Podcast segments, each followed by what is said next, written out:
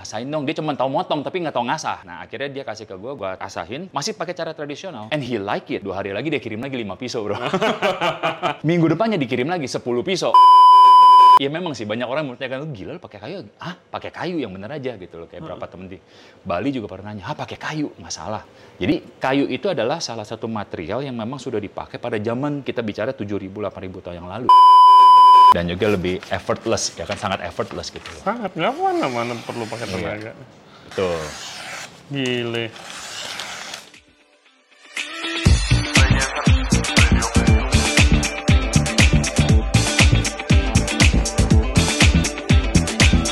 Hello everybody, welcome back to the show. Thank you very much for tuning in to Ray Jensen Radio Podcast.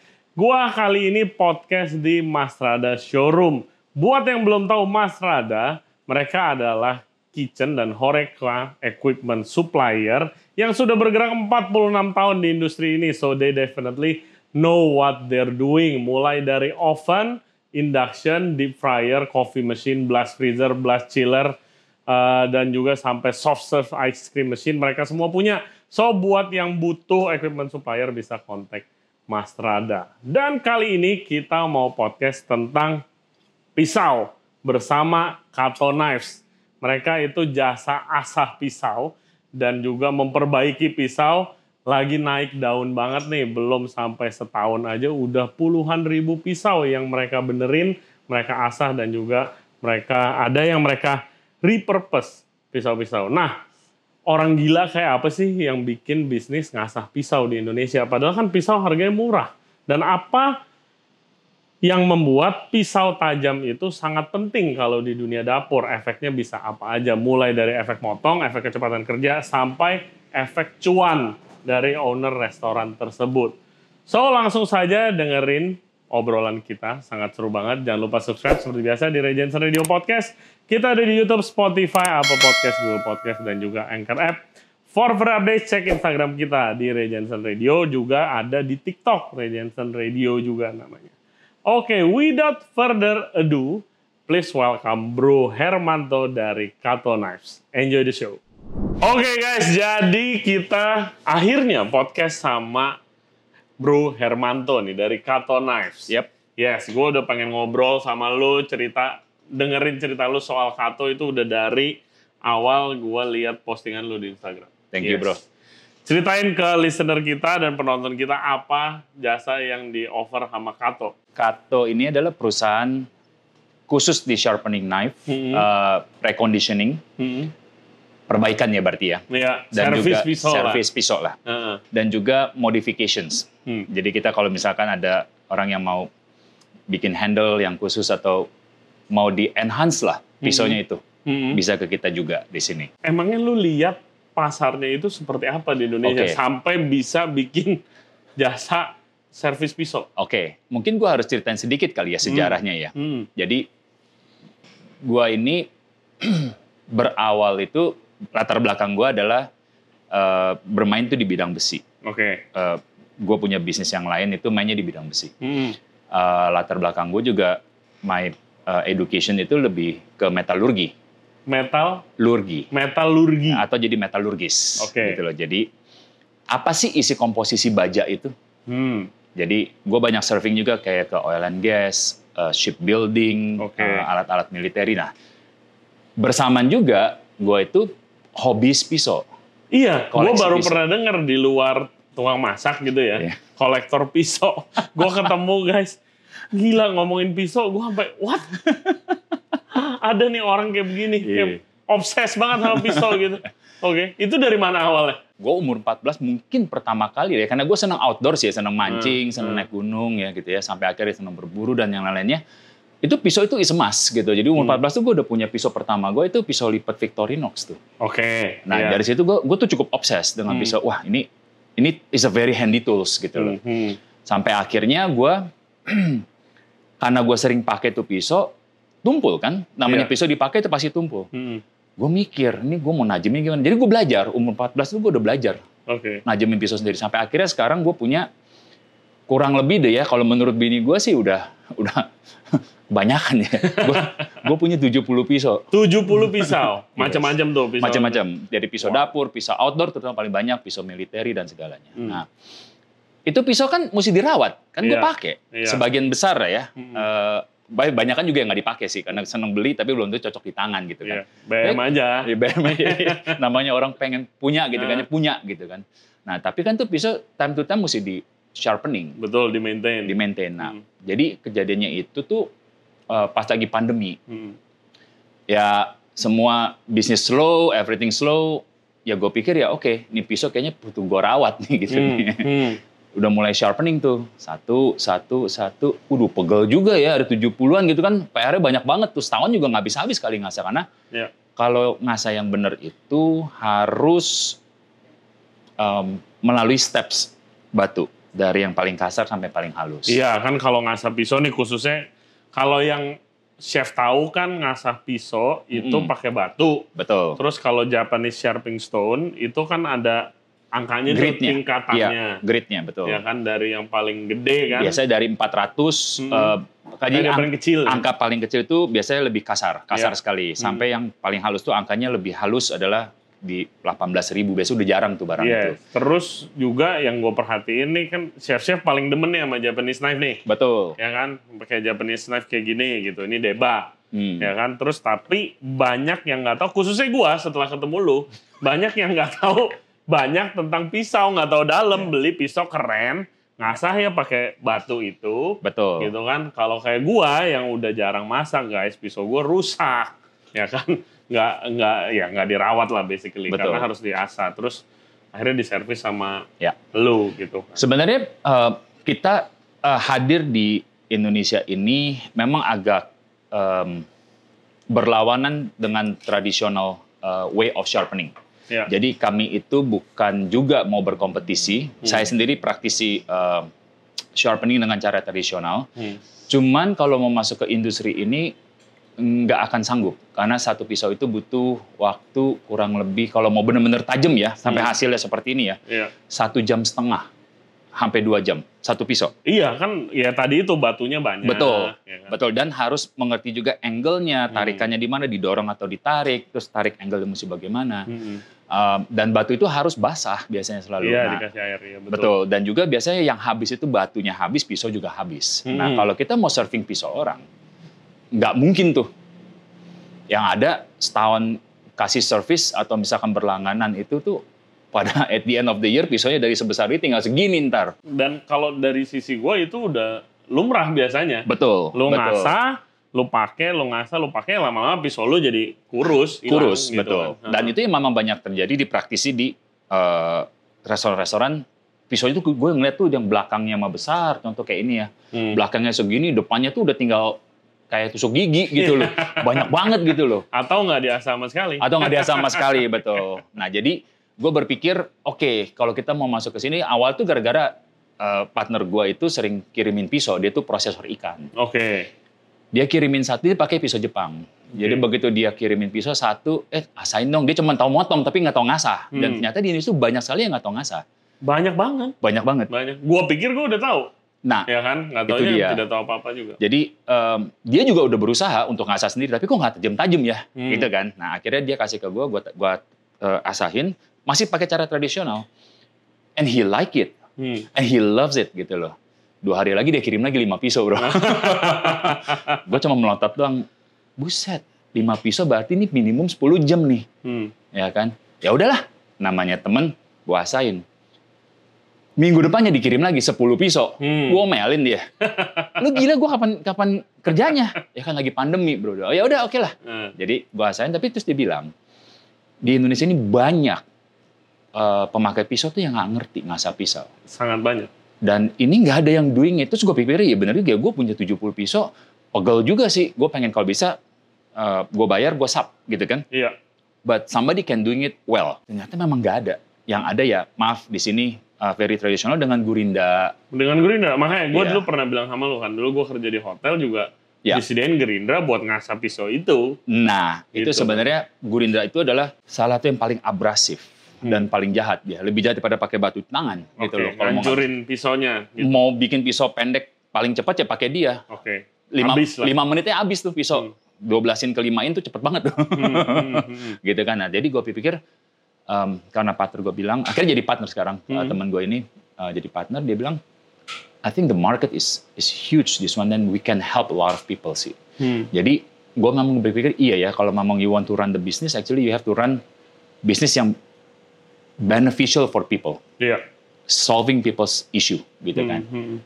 Itu inline sama gue punya filosofi dalam Iya. berbisnis. Oke, dan dia bilang, lu kan engineer, lu orang engineer. Coba lu pikirin dong. Nah, di situ gue mulai tuh R&D. Oke. Jadi sebenarnya teknologi yang kita pakai ini sebenarnya kita menggunakan kayu, Ngasahnya pakai kayu. pakai kayu. Sebenarnya kayu, Kayu. itu adalah alat Ya memang sih banyak orang menurutnya kan lu gila lu pakai kayu. Ah, pakai kayu yang bener aja gitu loh. Kayak berapa temen di Bali juga pernah nanya, "Ah, pakai kayu?" Nggak salah. Bang, iya, pakai kayu. Jadi kayu itu adalah salah satu material yang memang sudah dipakai pada zaman ini kita bicara 7.000 8.000 tahun yang lalu ya. Hmm. Habis dari zaman batu kan zaman kayu. Iya. Zaman kayu zaman besi. Kayu itu kan teknologi yang di tengah-tengah antara zaman batu ke zaman besi kan. Hmm. Nah, kayu ini adalah salah satu media yang dipakai memang untuk ngasap pisau pada zaman dulu. Nah, ketemunya bagaimana itu? Jadi gini, karena gue orang metalurgis, gue banyak belajar mengenai pemahaman pisaunya dulu. Bahan ini apa aja. Dan, Iya. dan gue melihat tuh pisau, bahan pisau itu adalah bahan terlunak sebenarnya di antara kategori besi. Oke. This is not the hardest. Why? Karena harus diasah dengan tangan. Hmm. Kalau lu bahannya terlalu keras, oke kita udah bicara kayak bahan inconel atau yang udah uh, super material, ya kan kayak misalkan um, Buat kapal gitu. ya buat kapal atau buat pipeline misalkan, Iya, gitu kan. Itu udah udah nggak mungkin tuh diasah sama tangan. Hmm. Lu gurinda aja nggak mau habis-habis, gurindanya yang habis, Oke. berbalik. Nah kalau Iya. ini uh, is very soft material. Jadi gue pikir oke, soft material memang harus ketemu dengan material yang cukup abrasif, kerasnya cukup, bisa menajamkan pisau Hmm. sehingga tidak membuat pisau itu menjadi rusak dan habis. Iya. Nah, di situlah uh, kita invented, um, gua tepatnya invented uh, these things, how to make um, knife sharpening system itu cukup cepat yang dari dua jam itu sekarang menjadi hanya 15 menit satu pisau. Hmm. Tapi tanpa merusak pisau. Iya. Dan pisau tajamnya sama seperti dengan 12 step batu traditionally.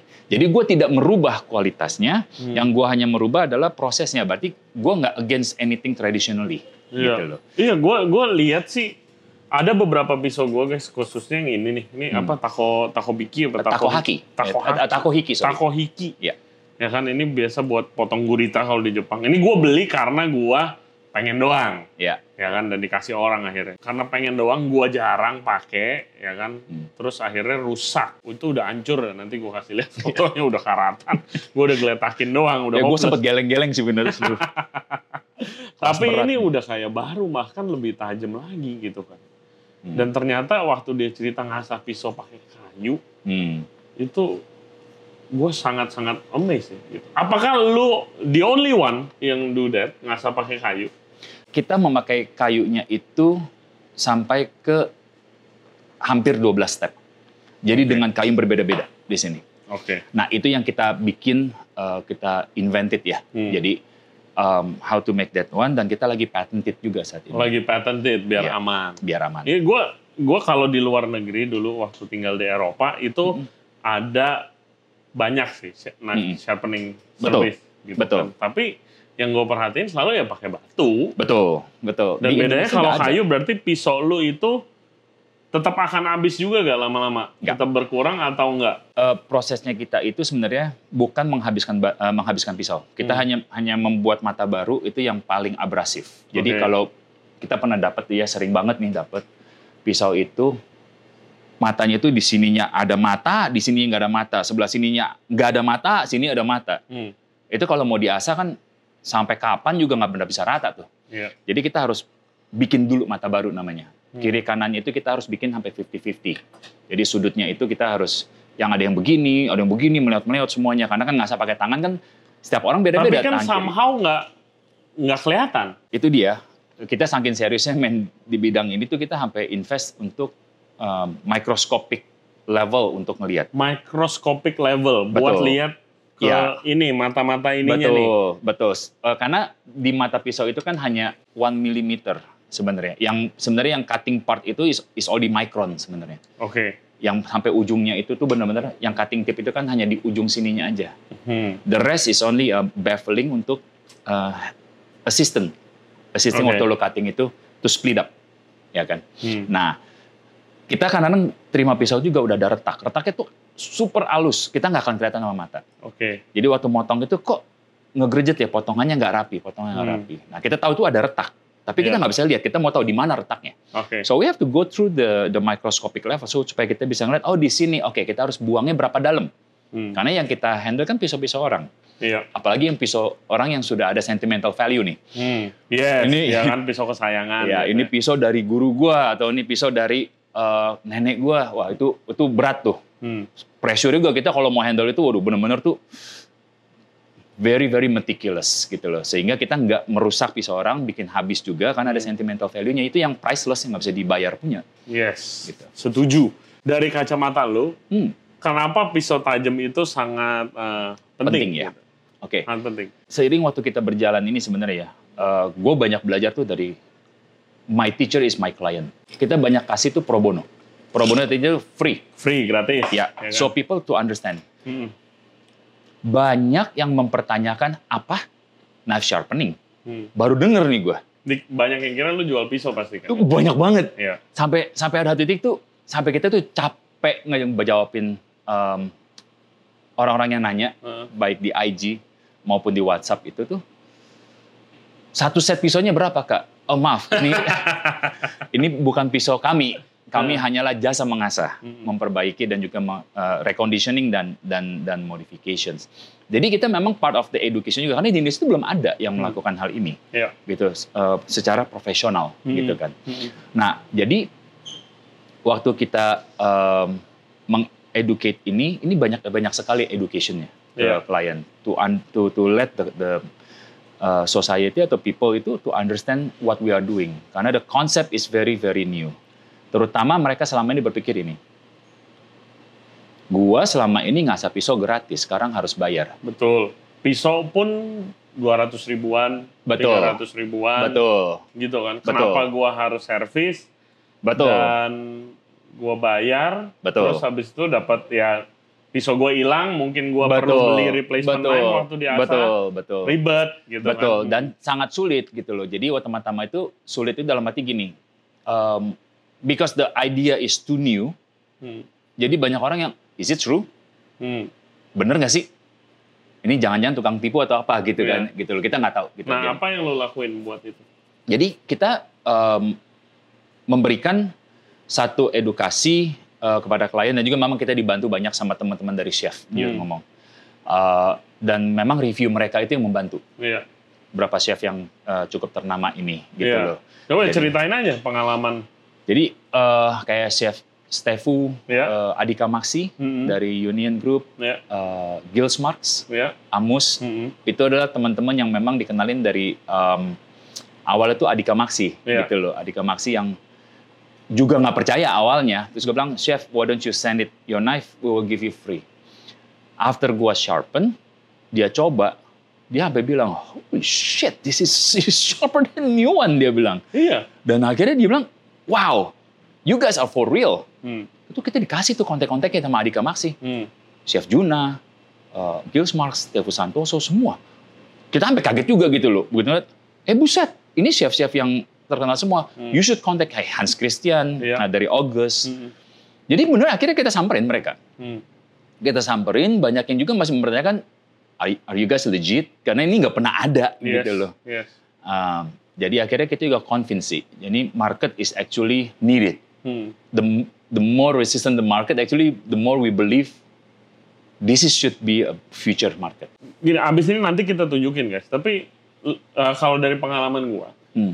pertama pisau penting itu kenapa? Kerja di Hmm. dapur, Yes. kalau pakai pisau tumpul tuh Pasti. bahaya banget. Pasti itu pasti bahaya, sangat bahaya. pasti. Terus uh, ya lu mau motong nggak jadi, misalnya ini tumpul ya, lu Yes. nggak jadi, Iya. nggak bisa akhirnya kegeser, Betul. gitu kan? Betul. Terus habis itu kerjanya ya buat chef kerjanya jadi lama, sebel. Betul, betul. Ya kan lama banget kerjanya. Betul. Dan eh, kembali ke pertanyaan lu tadi, kenapa pisau tajam itu penting? Eh, Klien-klien kita tuh banyak sekali yang mem- eh, melihat hasilnya, terutama dari speed Hmm. pekerjaan. beberapa klien kita yang di catering itu biasanya prep dari jam 6 pagi sampai jam 2 siang. Hmm. Sekarang mereka selesai jam 11. Iya. Tiga jam loh. Hmm. Itu is a in every day. Betul. Gitu loh. Wow, gue sampai kaget gitu loh. Oh ya, terus dia juga bilang kayak tomat, bawang bombay itu yang gampang spoil. Hmm. Dengan pisau tajam itu mereka bisa prep dari satu hari sebelumnya. Betul. Karena begitu dipotong, jusnya nggak ke mana-mana. Terus Iya, eh, bersih, bersih. Bersih, bersih. Qua- jadi preserving the quality juga nggak gampang oxidize, Hmm. terutama kayak bawang bombay. Kemarin baru ada satu dari um, klien kita yang kita kasih tes. Dia tes karena mereka uh, jualannya itu kan uh, all you can eat, Hmm. uh, restoran Jepang. Iya. Bawang daun bawang itu one of the most sensitive. Betul. Betul. Kalau lu smashing, karingnya Rusak, cepet rusak. berlendir Iya, lendir. dan itu bau Hmm. akhirnya. Dan itu kan all you can eat kan buat masukin ke bumbu kecapnya mereka kan. Iya. Begitu kita kasih coba itu, mereka tes dua hari, di keep di chiller, itu masih fresh. Hmm.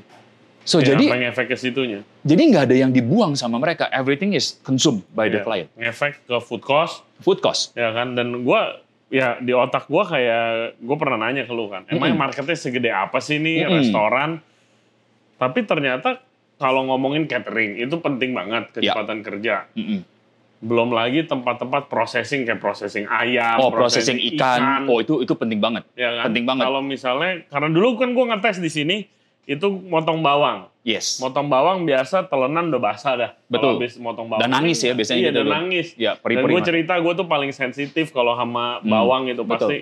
Mata gue udah kayak nangis kejer gitu. Iya. Dan ternyata jusnya nggak keluar saking tajamnya gitu kan. Betul. Dan lu juga nggak nggak berasa eh, perih ataupun Hmm. eh, pedes gitu kan ya Hmm. untuk untuk di, di mata gitu kan. Nah, yang lucunya lagi, secara kalau bila kita bicara food saving adalah less waste atau eh, to control the waste. Ya, Iya. Itu penting banget. Hmm. Nah, ada satu klien kita yang punya central kitchen satu hari 300 kilo daging. Hmm. Waste itu 28 persen Oke, eh, food waste-nya food ya. waste-nya. Iya. Kenapa? Ini baru bicara dari steak tok ya. Hmm. Lo kalau kalau central kitchen dan mereka punya ratusan outlet, Hmm. satu hari steaknya aja udah hampir 400 kilo, 380 kiloan. Kalau lu beli steak sebanyak begitu, pasti kan termasuk fat, silver skin, semua jadi satu tuh ya, Ya, kan yang trimmingannya. ya, trimmingannya. Kalau yang work ya si si, si butchernya ini timing pasti dikejar, betul Nah, kan? Iya. Pisaunya nggak disupport, misalkan. Hmm. Yang dibabat apa? Dagingnya yang Betul. paling cepet. Betul. Yang penting kerjaan gue selesai. Betul. Manajemen bingung, kenapa food waste gue tinggi ya? Hmm. 28% dari 300 kilo lu hitung aja. tinggi, tinggi. That's a lot, man. Hmm. Gitu kan? Itu Kan udah- kita beli juga itunya. Iya beli dong. Kan kita beli, juga. Beli. Itu about 68 kg. Hmm. Nah sekarang down to 12%. Hmm. Karena dengan pisau tajam, mereka trimming between silver skin sama daging itu very precise dan Iya. fast. Tepat sasaran. Begitu yang dibuang benar-benar hanyalah fat silver skin yang udah nggak bisa dimakan lah. Iya. Waste. Dan mereka sekarang udah bisa request, coba yang less fat, less ini. Sehingga mereka bisa, sama supplier itu bisa kompres lagi. Hmm. Gitu. Gue bayar premium nggak apa-apa deh. Gitu kan. Iya, gue gue tes, gue baru tes ini. Jadi ini guys, gue ada Ya, ada pisau boning. bonding knife. Ini udah nggak pernah dipakai. Ini dulu gue uh, dapat dari sekolah masak. Hmm. Ini udah mati, Hmm. pisau udah mati. Gua Buta mau tuh matanya. mau nyoba asa pakai batu juga susah banget karena Iya. bentuknya begini. Gue takut takut patah. Hmm. Terus udah udah gue nggak pernah pakai. Betul. Tapi kemarin gue pakai lagi men. Tajam nggak? Wah tajam banget. Lebih tajam dari yang sebelum-sebelumnya gue trimming cepet banget Yes. dan tepat sasaran. Betul. Jadi food waste-nya nggak Betul. ya kan food waste-nya dan kalau misalnya kalau kemarin gue buat private dining ya instead of gue beli dua nih karena gue Hmm. takut kebuang banyak, Mm-mm. gue beli cuma satu itu kan cuan juga gitu. Cuan, pasti cuan. Yes. Jadi endingnya memang secara food food waste aja kasar ya kalau mereka berlangganan dengan kita seminggu sekali diasah aja nih Hmm. misalnya. Kita tuh cuman only 7 to 10% dari savingnya mereka. Oke. Costnya kasarnya gitu loh. Hmm. 90% tetap masih cuan Iya. gitu loh. Nah itu salah satunya ya. Yang yang paling signifikan. Positifnya, Positifnya. kenapa naik penting. Nah, apa yang terjadi kalau misalnya gue sebagai restoran, gue ngasah semuanya nih. Oke. Pisau gue kan hilang, lu bawa. Ya. Nah, itu apa, apa yang terjadi? Nah, jadi kita tuh punya dua uh, modul di sini Hmm. dalam bisnis kita. Ya. Jadi uh, ada B2C dan B2B. Hmm. B2C business to client langsung atau customer, ada Ya. B2B business to business. Mm-mm. Yang business to business ini yang, yang cukup menarik menurut gua. Jadi kita tuh ada namanya subs- subscriptions base. Oke, sini. langganan lah gitu ya. Langganan. Kayak lu langganan Netflix atau langganan Hmm. eh, internet. Iya. Lu beli kuota 20 giga, mau gua pakai buat nonton YouTube boleh, nonton Netflix boleh, nonton WhatsAppan boleh, mau streaming video terserah lu. Iya. Nah, intinya adalah 20 giga itu lo harus habis Iya. gitu loh. Nah, Ah. biasanya kita gak ada formula untuk menghitung, kita assess dulu jumlah pisau di dapur berapa, supaya nanti waktu lagi pemutaran itu terjadi, pemutaran berarti gini, pisau yang dipakai dan pisau yang diasah. Hmm. Dan itu cukup. Nah, kuncinya gimana? Kita nggak boleh jualan pisau di sini. Oke. Atau itu, Sekali lagi, Iya. tidak jualan pisau. jadi banyak yang... Kayak Kita- podcast ini lebih penting itu kita nggak jualan pisau. Iya. Karena selama ini banyak banget yang nanya. Gue sampai mabok juga jawabinnya nih. Ini gue yang salah iklanin. Lo harus taruh di Instagram profile lo orang Udah. penting kita bukan jualan pisau. Iya. Sampai gue bikin auto reply. Eh, We will never and we will not selling knife gitu. nah jadi intinya adalah kita akhirnya kita memberikan pisau gratis. Oke, Ke klien selama pisau gua lagi diasah, gua dapet pisau. Lu yang punya restoran, ini gue Iya. kasih contoh ya. Hmm, Lu punya 50 pisau yes. di dapur nih. Heeh, Oke, kita udah hitung kalau restoran tuh dua minggu sekali diputar di asah. Iya, Pokoknya pisau lu harus tajam selalu supaya lu kerja efektif, cepet, serving apa semua cepet. iya, Yang pasti pisau harus tajam, betul. selalu. Bagaimana kalau 50-50-nya gue ambil, lagi gue asah, by the way, kita ngasah maksimum hanya 3 kali 24 jam sudah kembali lagi. Oke, Nah, tapi kan dalam 3 kali 24 jam itu maksimum itu kan lu harus ada pisau, pakai betul, dong. betul. Itu pisau kita kasih Pisau dari Kato. dari Kato. Oke, 50 juga. oke. Dan pisau itu tidak pernah kembali ke kita. Atau stay di tempat kita. Selalu stay di in your premises, di tempat lo. Oh gitu. Jadi gini, lu punya 50 pisau, begitu lu sign kontrak sama Mhm. dealer kita nih, uh, Iya. Mas Rada, itu udah langsung lu dikasih 50 pisau. Oke, On your own choice. Jadi kita ada 22 macam pisau, ada golok, pisau roti, slicer, terserah lu mau boning, lu mau pilih golok semua, boleh. iya, iya, iya. 50. Jadi total pisau lu endingnya akan ada 100. Oke. Di tempat lu ya, Mm-mm. di tempat lu 100, standby. 50 lu pakai, 50 lu simpan. 50 gua ambil, Lu pakai itu. masuk. Tiga, tiga 24 jam balik lagi. Terus saja begitu selama setahun. Oh. Pada akhir tahun, pisau itu akan menjadi milik lo. Hmm. Kalau lu misalnya gue udah nggak, kalau misalnya gue udah nggak langganan lagi, Jadi milik lo pada akhir tahun. oh Karena itu sudah termasuk. betul, gitu ya. itu adalah subscription base untuk satu tahun base. Heeh, Kalau yang less than that, misalkan gue cuma mau enam bulan ya nggak dapet pisau karena heeh. uh, somehow kasarnya gini lah. uh, kita yang modalin dulu pisau itu supaya Iya, lu bisa jalan operasionalnya. Karena operasional itu nomor satu buat kita nggak boleh terganggu. iya dong. Iya ya kan? dong. Itu penting banget gitu loh. Karena Heeh. gue pernah ke kitchen tuh hangin hektik itu sampai ngeri masuk ke kitchen takut ada centong panci terbang bunyi tuh bisa gitu karena suara itu udah udah ngeri banget gitu loh bilang aduh ini kayaknya nggak bisa nih kalau kayak begini nih Wow. Oke, jadi dapat ya. Very convenient guys. Very, jadi very convenience convenient. kita yang utamakan tuh untuk, untuk klien adalah gini customer itu harus mendapatkan profitable dan benefit dan Hmm. jujur ngomong kita tuh lagi bakar uang saat ini Oke, jujur ngomong nih saat Hmm. ini nih dengan kita memberikan pisau gratis itu kita lagi bakar uang oke. Salah satu promosi kita adalah bakar uang dengan cara begitu Biar itu educating kan? Educating. Ngajarin marketnya dulu ya. selain educating, eh, customer juga mulai melihat bahwa eh this is actually profitable. Jadi pada endingnya banyak restoran yang sudah subscribe sama kita itu, eh gue udah nggak perlu beli budget pisau lagi ya, Hmm. karena pisau itu gue udah take care. Hmm. Kalau selama satu tahun pisau itu kan masih jadi milik gue, Iya, gue harus take care dong, iya. Iya. betul nggak? Hmm. Nah setelah kita take care itu kan memang terus kita take care dan itu kita pastikan pisau itu tidak akan berubah bentuknya dan selalu masih nggak ada tuh yang nanti ujungnya tuh ya kayak tusuk gigi tuh udah nggak ada gitu loh Iya, Gitu iya, loh. Iya. di situ. Oke. So that's that's where the things is actually customer itu adalah yang paling benefit saat Hmm. ini gitu loh. Nice. Ya, tunggu apa lagi guys? Tajemin pisaunya di kanto. Iya. Gimana caranya kalau mau najemin pisau drop ke mana? Jadi eh, untuk B2B itu semua ke dealer kami Oke. yaitu di Mastrada saat Mhm. ini. Ya Mastrada itu eh, adalah salah satu dealer kami untuk B2B.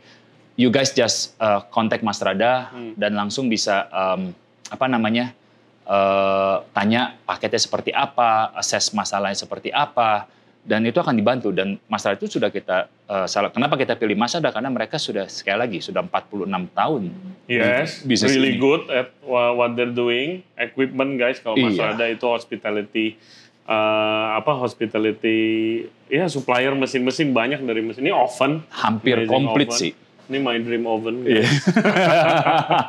itu ada mesin kopi, ada Yes. kulkas, Betul. macam-macam. Di situ ada mesin induction yang betul sangat amazing. Ada mesin ice cream banyak. Betul. They're really good what they're doing. Uh, udah 46 tahun ada di banyak kota di Indonesia. Jadi it's really apa ya kayak fitting kalian Fitting, berdua kerja, iya. kerja bareng gitu loh. Jadi eh, sebenarnya gini, one of the reasons actually uh, we work together with Mas Rada. Hmm. Jadi waktu kami juga lagi masih uh, everybody questioning who are we, are you guys real for real? Mas Rada itu bantu kita, Hmm. gitu loh, supporting us Hmm. without any asking anything. Oke. Seriously. Um, pas beneran dengan uh, owner Mas Rada juga Hmm. teman dia bilang, gue bantu deh bro, gue memang mau bantu lo. Hmm. Nah, seiring berjalan, kita tuh nggak bisa keep up sama market demand. Hmm. Kita baru 8 bulan, udah 26 ribu pisau. 26 ribu pisau. Yes. Wah ya capek tuh. Bukan capek-capek lagi. Dan ini datangnya banyak dari Bali, Hmm. eh, ada yang dari Makassar, Surabaya, Jawa, Semarang, banyak banget. Sumatera aja juga banyak yang kirim. Hmm. Akhirnya kita tuh nggak sanggup, gitu loh. Wah ini kalau kita harus kayak begini nggak sanggup. Dan gue ngobrol dengan Pak Steven, Ya. bro ini gimana gini ini kayaknya gue butuh network lo orang yang udah ada di mana-mana karena Mas Ali itu udah ada di 9 kota Iya. dan ya umurnya tuh udah lebih tua dari Iya.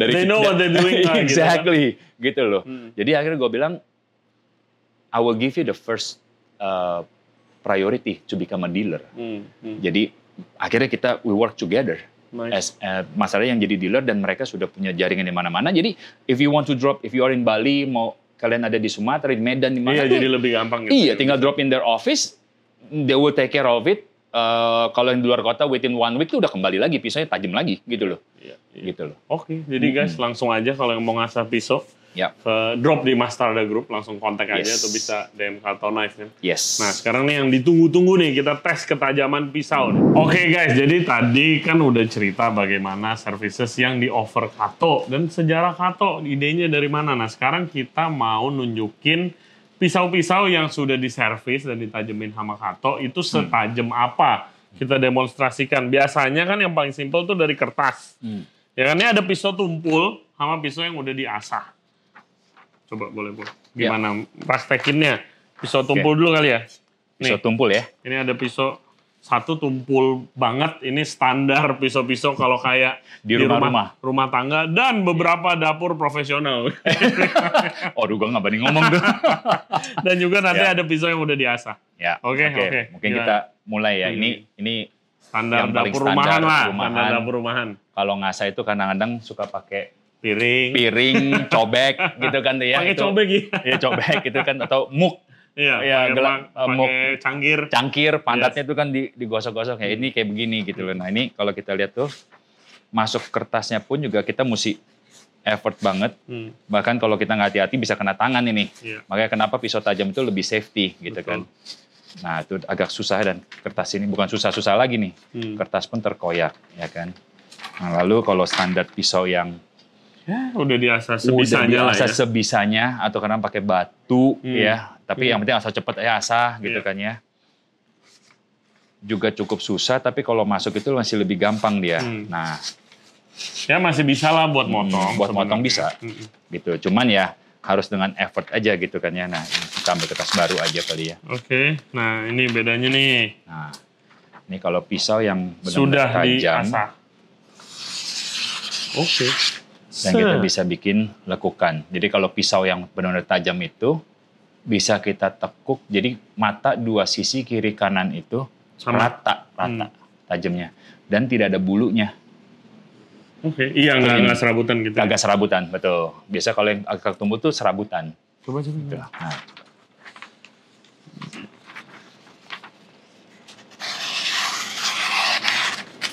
Dan juga lebih effortless ya kan sangat effortless gitu Sangat nggak mana mana perlu pakai Iya. tenaga. betul Gile. Nah, jadi seperti kertas ini itu akan bersih apa pun yang Clean. dipotong, clean Yes. cut gitu kan. Karena kertas itu adalah eh, serat itu criss cross Hmm. seratnya. Eh, beda dengan beberapa buahan. Jadi kalau kertas itu kenapa jadi satu selalu jadi barometer? Seratnya itu tuh criss cross kayak kayak rajutan baju. Oke. Jadi begitu kalau pisau itu nggak tajam, either dia kena yang sisi sini atau sisi sini nggak tajam itu pasti berbulu. Nah Hmm. kalau di kertas sudah licin, masuk ke makanan atau ke sayuran tuh pasti Oke. bagus. Gitu loh. Oh, makanya orang ngetesnya pakai Selalu barometer standar yang paling mudah adalah kertas gitu loh. Untuk biasa di orang kitchen gini. Nah, ada yang begitu. tapi jangan lupa ini ya, jangan lupa nyuci ntar. gue pernah sekali ngelihat tukang jagal Eh, pisau tajam kita dia ngetes nyukur kumis. gue sampai jantung mau copot, kaki sampai lemes ngeliatinnya. Gue bilang nih kayak di IG gue, gue nggak boleh masukin, bisa di ban besok gue masuk. Masih ada tuh videonya gue tuh. bahaya guys. Iya, bahaya, bahaya. guys. Do- never try that one at home. Yes, or anywhere. Oh, anywhere, yes, doang. yes. Jangan dicoba Yes. pokoknya. This is done by the professional Iya. sis. Oke. Siap. Ya, jadi eh, kita ngetes potong tomat nih. Hmm. Bisa setipis apa? Eh kayaknya pakai pisau lu aja kali ya Yes, bro ya. yes, Kalau yes, pakai pisau, pisau. gue takutnya ntar pada dibilang sama netizen habis dimodif atau apa Wah, gitu kan. Ini, ini pisau favorit gua guys. Yes. Suba, ini Japanese knife pertama gua. eh baru diservis sama sama Kato juga. Oh, mungkin gue perlu jelasin sedikit bro. Mm.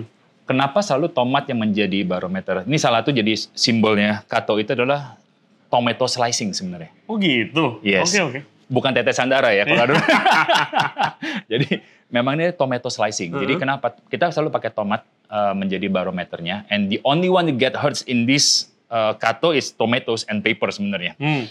Jadi nggak nggak no violence, no nothing lah ya. Jadi intinya tomat itu adalah uh, salah satu sayuran yang paling sayuran atau buahan ya? Kalau Ya, saya- buah sayur ya. Iya, salad itu ya, itu yang paling resisten. Kenapa? Karena kulitnya itu uh, very resistant. Kalau Betul. If, if you don't have a very sharp knife, forget about it, man. Nggak akan bisa Betul. penetrate untuk kulitnya. Betul. Kalian Gitu. pasti inget lah nge-slice tomat waktu Hmm. pakai pisau yang kayak beginian gitu gimana Hmm. rasanya gitu. Iya. Pecah tomatnya. Betul, Iya, betul. iya. Dan juga, waduh, jusnya ke mana-mana, Hmm. makannya cuma tinggal ampas doang, udah nggak ada sarinya, nggak ada manis-manisnya gitu. Kan. Setuju. Ya. Yes. Jadi itu tomat- kenapa tomat Menjadi barometer. Karena Yes. kalau kita bisa slicing tomat tanpa kita pegang tomatnya, Hmm. dan itu clean cut, no water dripping, that is freaking sharp. Kita tes sekarang. Oke, so Suba. Ini satu tangan ya. Oke, deg-degan nih. Gua saking takutnya gua takut kenapa-napa. Tuh. Ini pisau tebel loh. Yep. Ini spine yang tebel, Mm-mm. Jadi biasa pisau makin tebal tuh makin susah untuk benar-benar tajam sekali ya. Oh iya. Oh iya, sangat susah. Nah bahkan eh, Mm-mm. kayak golok pun, jadi di standarnya Kato itu mau pisau tebal, pisau tipis, tajamnya sama. Hmm. Nggak peduli mau pisau tebal, pisau tipis. Dua-duanya, you will feel have a feeling same, Iya. same feeling. Ini guys, jadi oke. Cerita dikit soal ini. Hati-hati. Iya.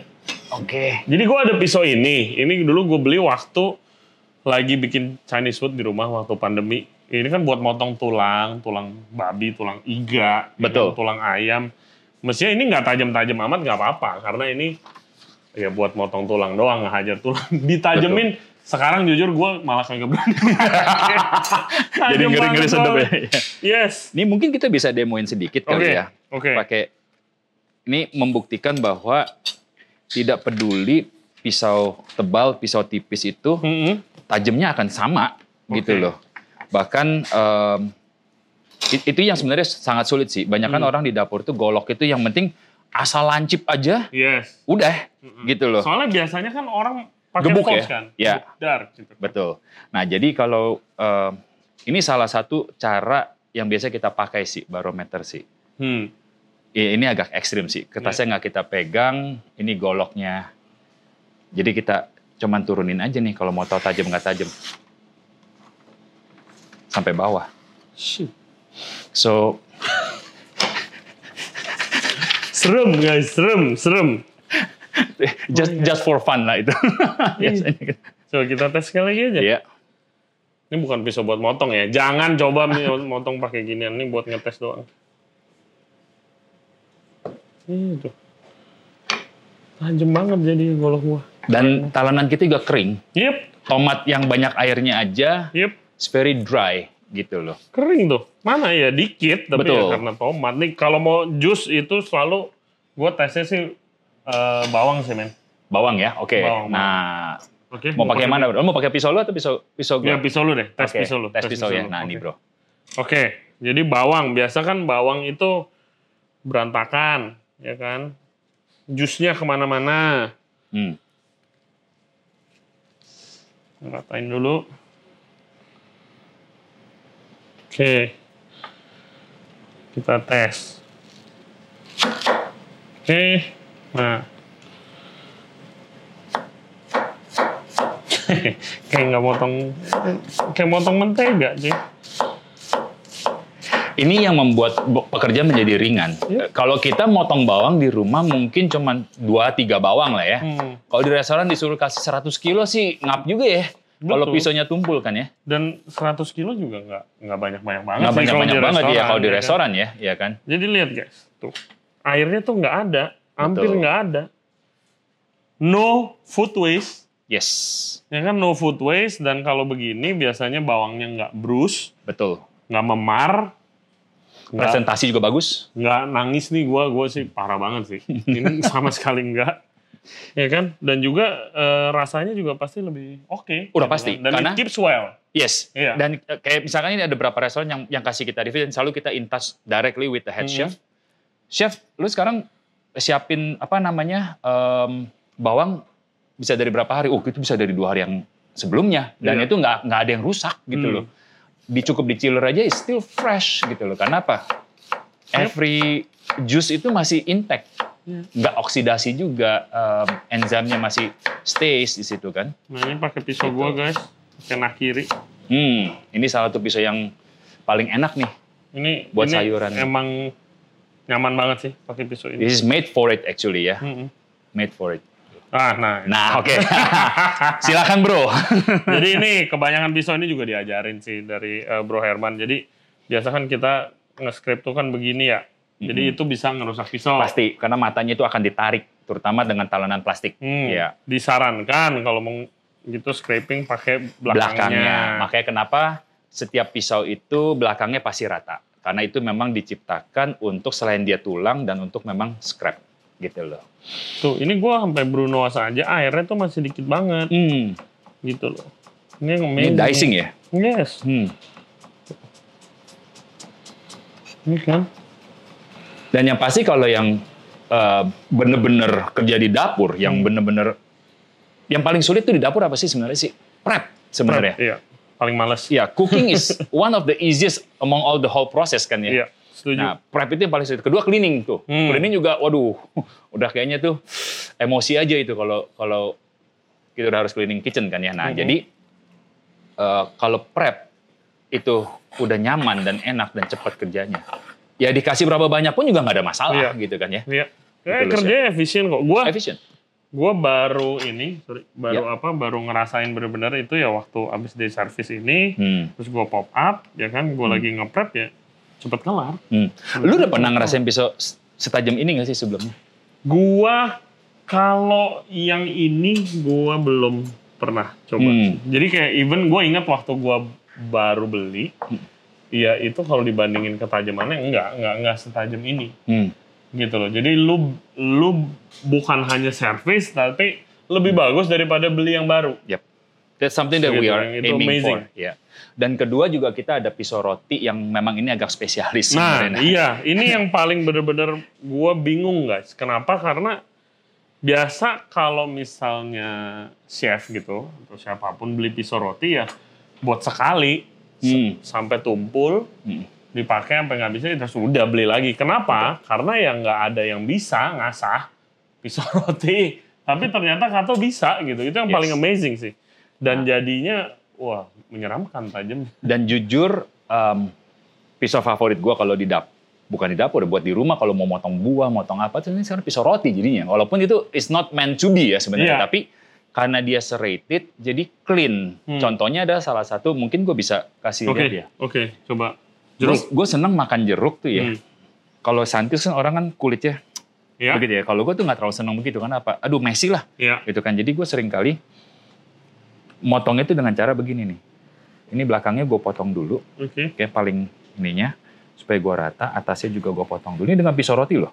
Gue biasa potongnya kayak begini. Iya, gua, dulu. gua ratain lagi deh luarnya dikit deh biar biar kelihatan ininya core-nya. Nah, Hmm. kalau udah kelihatan ini kan, gue skinning. Gue lebih seneng motong tuh skinning, Yes. ya. It's a very precise. Nih, nih memang sankis ini yang sankis ini kulitnya tebal lihat tuh. Nggak ada nggak ada waste-nya yang Hmm. kebuang. Biasanya kadang kalau makan kenapa kita kupas tuh supaya Supaya nggak kemakan itunya. Iya, kan? satu nggak kemakan terus nggak ada yang kesisa gitu kan ya. Hmm. Nah kalau ini kita cukup dengan pisau roti kita skinning gini itu udah clean, super clean. Dan cepat pula. Kerjaan juga jadi gampang. Ini Kalau di apa? Di kitchen nih paling annoying biasanya. Yes, Soalnya- salah satunya. Eh, pisaunya nggak gitu tajam, kemakan banyak, akhirnya diomelin. Betul. jadi food waste dan segala. Nah ini pun kalau kita cleaning, very precise dan talenannya kering untuk jeruk sebanyak se, se Iya, air begini lihat. tuh kering. Nggak ada airnya guys. Jadi ada. ini kita kalau kita mau ya misalkan kita potong tipis, precise Hmm. jadinya. Nah, sisa-sisa seperti ini Baru. gue tinggal Yep. dan very easy to clean cut. Bahkan core-nya pun monggo bro. Hmm, Hmm. very juicy dan tanan termasuk cukup kering, Ya juicy karena airnya nggak keluar. nggak keluar. So definitely sharp knife itu banyak yang orang overlooking sebenarnya. Ya, ada nggak orang yang bisa ngasah ini lagi sih selain selain lu? Gua gua di luar pun nggak ada orang yang bisa ngasah bread knife. Jujur sih, ki- kita banyak di call sama beberapa teman-teman yang ya jasa asa juga di luar negeri. Lu ngasahnya gimana sih? Aduh, kayaknya gue lagi patenin, gue belum belum bisa gue share di si Enak dapur. aja lu nanya-nanya. Dan memang jujur sampai sekarang pun eh, ini sebenarnya yang paling profit adalah eh, klien kita sih. Hmm. Gue belajar belajar ngasah pisau roti itu karena pada zaman pandemi itu banyak ibu-ibu yang they are doing sourdough. Yes, At home. ngetren, ngetren. sourdough itu kan pada berlomba-lomba makin keras, makin dalamnya makin empuk, luarnya makin keras, makin hot kan tuh ya. Yes, Iya kan? yes. Nah, jadi waktu dikirimin pisaunya suruh kita asah, termasuk sama sourdough-nya. Hmm. Satu hari itu bisa datang sampai 8-10 klien. Dan 10 sourdough bro. Gila. Jadi makanin sourdough sampai berminggu-minggu tuh. Karena suruh tes, saya mau potong sourdough. Karena klien saya minta sudah dipotongin. Hmm. Karena kliennya mereka nggak bisa motong sourdough. Iya, iya, iya. Nah, jadi minta mereka potong. Gimana cara bisa? Nah, itu kita di training oleh mereka sebenarnya. Gitu. Nah, ini kita tes di Nah, ini baget. di baget nih. Baget. Nggak ada waste juga itu. Jadi kalau baget eh, motong roti biasanya lihat crumbs-nya. Mm-mm. Remah-remahannya, Remah-remahnya. patah ya, gitu. Betul. Jadi sangat sedikit crumbs-nya. Dan ini nih baget yang udah dry banget nih kayaknya. Iya. udah, udah, baget. udah, udah, udah a little bit dry gitu loh. Roti aja dihajar. Dan jadi juga memang precise Mm-mm. portioningnya kalau pisau tajam itu. Jadi misalnya kalau buat portioning kasih ke klien kan, Mm-mm. udah ada tuh size Size-nya. standar. Ah, ah. Jadi kalau yang pisau tumpul itu pasti tuh either dia miring atau lari atau Yap. begitu ada yang tebel di belakang. Hmm. Nah itu kan juga eh, Kalau sourdough gue eh, apa roti-roti beginian biasanya nih yang Hmm. gue kejadian ini kan oke masih bisa pakai tenaga begitu sini ininya susah yes endingnya bawahnya Betul. akhirnya orangnya begini gitu kan. patahin betul Patahin. sehingga tuh bawahnya pada terkoyak akhirnya tuh. begini Betul. standarnya nih gitu Betul. kan tapi kalau ini Bener-bener Hmm. dari atas sampai bawah all gone. kelar Yes. masih retain the shape gitu Dan juga effortless. Jadi kalau misalkan eh, lu memang bagian portioning mau potong cepet pun sak sak sak sak udah kayak ya tangannya udah enak gitu kan nggak yes gitu. oke sekarang apa nih lemon Nah, ini juga salah satu eh, penyakit atau yang paling sulit sebenarnya em, untuk kenapa mau di slice tipis saya nih ya coba kita bisa slice sangat-sangat tipis sebenarnya. Hmm. Nah, ini kenapa lemon itu salah satu yang tersulit? Satu dia selain acidic, Iya. Kedua, seratnya dia itu ada 5 sampai 6 layer. Jadi ada kulit luarnya, ada kulit bagian putihnya, ada pulpnya, Iya. lalu di dalamnya itu kan ada kayak jaring tuh ya. Iya. Dan lemon tuh termasuk yang yang paling eh, resistance gitu loh. Dari dari banyak eh, jadi di dalam jenis jeruk-jerukan lah ya, Hmm. gitu kan. Nah, Betul. biasanya kalau mau bikin garnish buat minuman, Hmm. kita gue sekarang jadi very meticulous kalau ke, ke ke hotel atau ke mana begitu lagi atau restoran lagi minum garnishnya itu tuh ya tebel-tebel gitu Iya. ya. dimakan susah nggak Iya. bisa tapi cuma buat pemanis kan Iya, dan buang lemon tuh banyak banget. Kalau Banyak buat banget. garnish di bar sih. Gue punya bar, kalau orang udah awal-awal ada tuh yang dipotong sininya, ya terus dibengkokin gini kan, Betul. atau apa. Lama-kelamaan kayak gila, tebel amat gitu kan, buang-buang lemon banyak. Da- dan juga sebenarnya itu is only for a garnish to Iya, look ya kan. Ya. yang ada lemon makin hari makin mahal nggak ada yang makin murah Hmm. harga naik melulu gitu Betul, loh. Dan kalau lu mau lemon yang bagus tuh lemon luar yang Iya. very yellowish dan itu Hmm. kan itu makin Mahal, mahal mahal banget. gitu loh. Tapi kalau lu bisa slice setipis ini, Tipis. as it should be, ya kan? Oh, that that is nice. Iya kan? Tuh, guys. Transparan. lu lu buang-buang lu nggak buang-buang lemon Yes. ini bisa jadi berapa puluh mungkin berapa Betul. ratus kali Betul slice. cukup satu lemon mungkin udah serving 25 glass gitu kan. Hmm, mantap mantap amazing man amazing sekali lagi deh satisfying banget soalnya motor Satu nice guys nice oke nah next gue mau ngomongin ini nih misperception termasuk Hmm. gue juga tentang Siap. najemin pisau yang pakai ini honing rod ya. honing rod ya kan biasanya chef gue mungkin kan gue tunjukin dulu deh. Biasanya chef kan sampai ke gaya-gayaan gitu kan kayak Ah, eh, eh, mendingan pakai yang ini yang tumpul nih. Yang tumpul, Ah, oh, oh iya, Kalau yang dalam yang Kan tajam ntar ya. makin ini lagi ntar. jadi Ya. biasa kan begini Betul. ya kan terus wah cepet keren atau enggak begini Betul. ya kan ya honing rod buat ngasah pisau Mm-mm. ya kan kalau yang mau parah pakai eh, ini meja stainless pakai Yes. Oh darurat ya. pakai piring ya Betul. kan Betul. Eh, nah tapi kenapa ini sebenarnya tidak bagus buat pisau Uh, Oke, gua nggak bisa bilang ini nggak bagus. Hmm. It- This is actually created um, karena ada satu standar dari HACCP. oke HACCP itu adalah um, standar untuk safety Dan uh, hygiene. dan hygiene ya, di restoran. Nah, uh, pada awalnya sebenarnya dari zaman kakek moyang kita itu kalau untuk maintaining pisau itu pakai kulit sebenarnya. oke Dari zaman perang dahulu kala juga kalau mau perang itu dia orang pedangnya pisaunya tuh pada pakai celana kulit, sepatu kulit tuh Iya. buat digosok. iya Karena itu adalah salah satu yang memang untuk maintaining. Hmm. Nah, pisau yang tajam itu tidak bisa ditajamkan oleh kulit maupun dengan honing rod. Kembali lagi, ini bukan alat asah. Hmm. Ini adalah alat untuk meluruskan mata pisau yang sudah lari ke kanan atau lari ke kiri. Kenapa? oke Waktu kita motong, ada yang chopping. Oke, Iya. kebanyakan kalau chopping itu adalah karena pisaunya sudah tumpul. betul jadi harus pakai tenaga Nggak Dia di- chop, dia di mau slice, udah nggak bisa. iya Karena udah terutama kayak tomat dan itu udah nggak bisa, dia mesti chop. betul Ya, chopnya makin keras, dia makin ada kecepatan mukul. Nah, waktu dia mukul ini ketalenan, mata pisau itu kan segini. Mm-mm.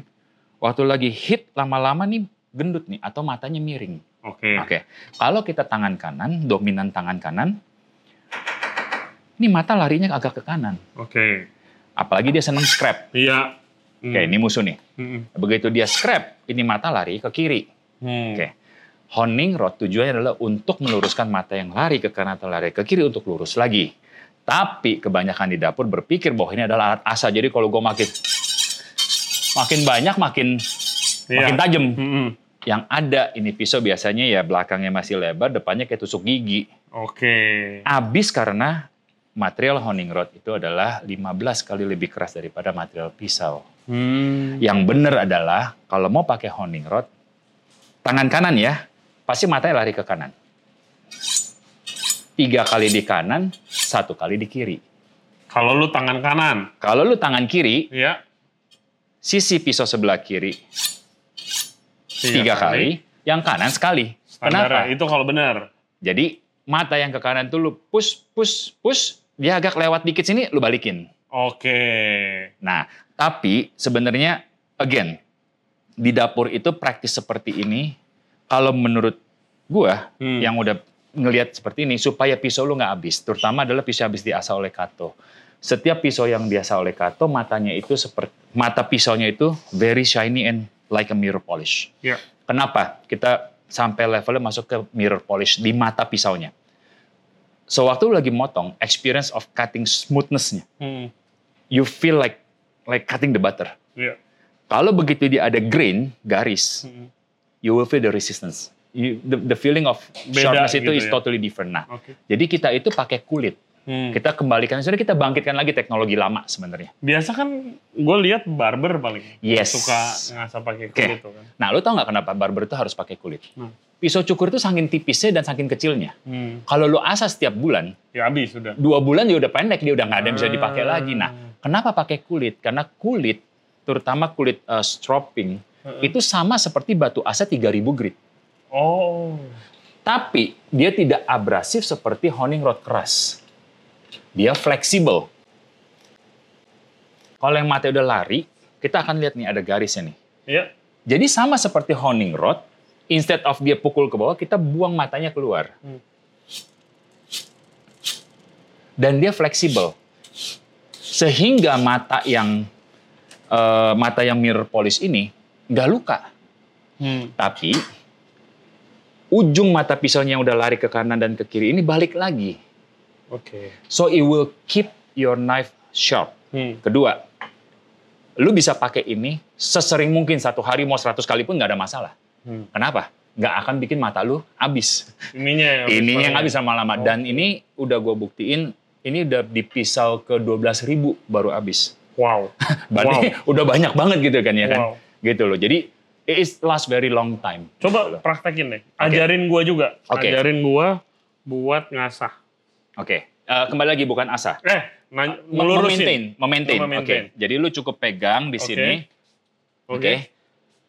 Lu cukup tarik, Begini. uh-uh, keluar matanya.